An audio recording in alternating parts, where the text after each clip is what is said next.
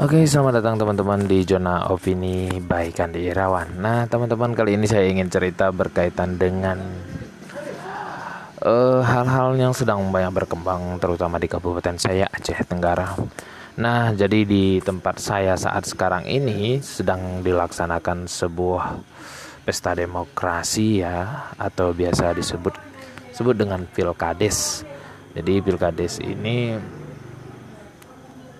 mayoritas desa-desa yang ada di Kabupaten Aceh Tenggara itu kebanyakan melaksanakan pilkades serentak pada tanggal 3 Juli 2021 ini. Namun ada beberapa hal yang menyebabkan pilkades kali ini sedikit berbeda dengan pilkades tahun-tahun sebelumnya. Pilkades tahun sebelumnya itu tidak se panas yang apa yang saat ini sedang kami alami. Pilkades tahun sebelumnya sebelumnya itu lebih lebih adem ya dan lebih sedikit resiko perpecahan ataupun miskomunikasi. Ya, namun berbeda dengan situasi saat sekarang ini ya di mana pilkades ini sepertinya akan jauh lebih panas dibandingkan pilkades-pilkades tahun sebelumnya. Nah, mungkin banyak calon eh, calon-calon kepala desa yang memikirkan yang menginginkan bisa mengelola dana desa yang hampir satu miliar. Ya, pasalnya teman-teman ya uh, kita tahu bahwa kontraktor itu untuk mendapatkan satu kerjaan ya pekerjaan konstruksi ya atau bi biasa kita sebut dengan fisik itu misalnya dengan pekerjaan 200 juta maka kita harus lobbynya ya. Lobbynya itu biasanya 20 juta. Setelah pekerjaan selesai kita kasih pi ke oknum ya ke oknum itu 20 juta lagi. Jadi 20% dari total pagu anggaran itu kita gunakan untuk memberi kepada orang lain.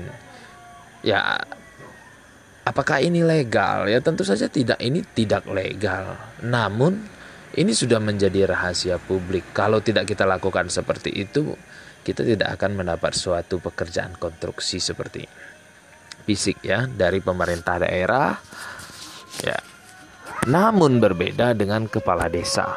Nah, kepala desa itu mendapat anggaran satu miliar dan kemungkinan ah, untuk anggaran fisiknya itu sekitar 400 juta rupiah. Jika ada pembangunan sekitar 400 juta rupiah, maka uang lobbynya itu biasanya 40 juta kemudian fee-nya 40 juta berarti 80 juta. Itu dalam satu tahun anggaran.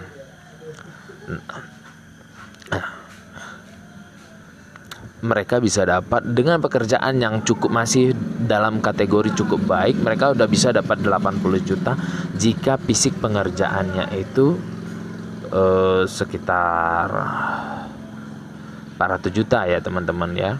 Kemudian apalagi benefit yang dinikmati oleh kepala desa. Jadi ada juga uh, operasional ya kalau saya nggak salah lihat ada operasional kepala sekolah eh operasional kepala desa itu sekitar 7 eh 7 ya sekitar 17 sampai 20 juta per tahun kemudian gaji yang lumayan 2 juta 200 atau 2 juta 500 itu ya saya juga silap sekitar kita hitung aja 2 juta ya. Jadi total pendapatan kepala desa itu ya lebih kurangnya dalam satu tahun itu bi mereka bisa dapatkan sekitar 100 juta. Dan ini angka yang cukup besar buat kami-kami yang tinggal di desa ya. Kemudian kenapa begitu panas lagi? Ya. E, banyak orang bilang bahwasanya politik itu adalah pertengkaran beberapa gajah. Ya atau dua gajah. Kalau dua pasangan dua gajah. Kalau tiga pasangan tiga gajah. Mereka terus berantem namun yang terluka itu adalah rumput-rumput yang dipijak ya di bawahnya dan ini yang terjadi yang saat ini saya rasakan di desa saya sendiri teman-teman. Jadi kepala calon kepala desa yang berjuang ya kemudian perpecahan antar kelompok keluarga itu sangat terasa untuk tahun ini. Dan ini menjadi nilai negatif sebenarnya bagi saya dalam ajang demokrasi ini Indonesia memang tidak pernah dewasa dalam berdemokrasi ya banyak masyarakat yang baper dengan demokrasi Kalau banyak orang yang berpikir ini adalah ajang menyatukan keluarga, mereka salah. Politik itu tidak ada hubungan dengan keluarga. Kalau mereka bilang ini harus sepure mungkin, sesuci mungkin, dan harus memilih pemimpin itu harus dalam kategori nilai eh, religiusnya itu 9 atau 8, itu salah. Karena yang dipilih, yang berjuang ini pun adalah orang-orang yang yang sedang mementingkan kepentingan kelompoknya, kepentingan perutnya, kepentingan masa depannya. Dan ini menjadi sebuah tantangan buat masyarakat untuk berpikir cerdas dalam hal melakukan tindakan, tentu saja iya.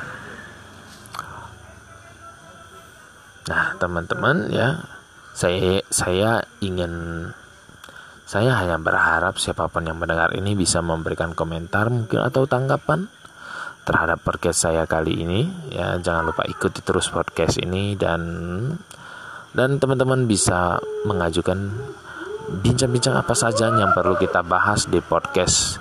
Ya, ini hanya opini ya meskipun ini opini opini ini akan kami dasari dengan fakta-fakta di lapangan agar tidak ngelantur mungkin atau ngawur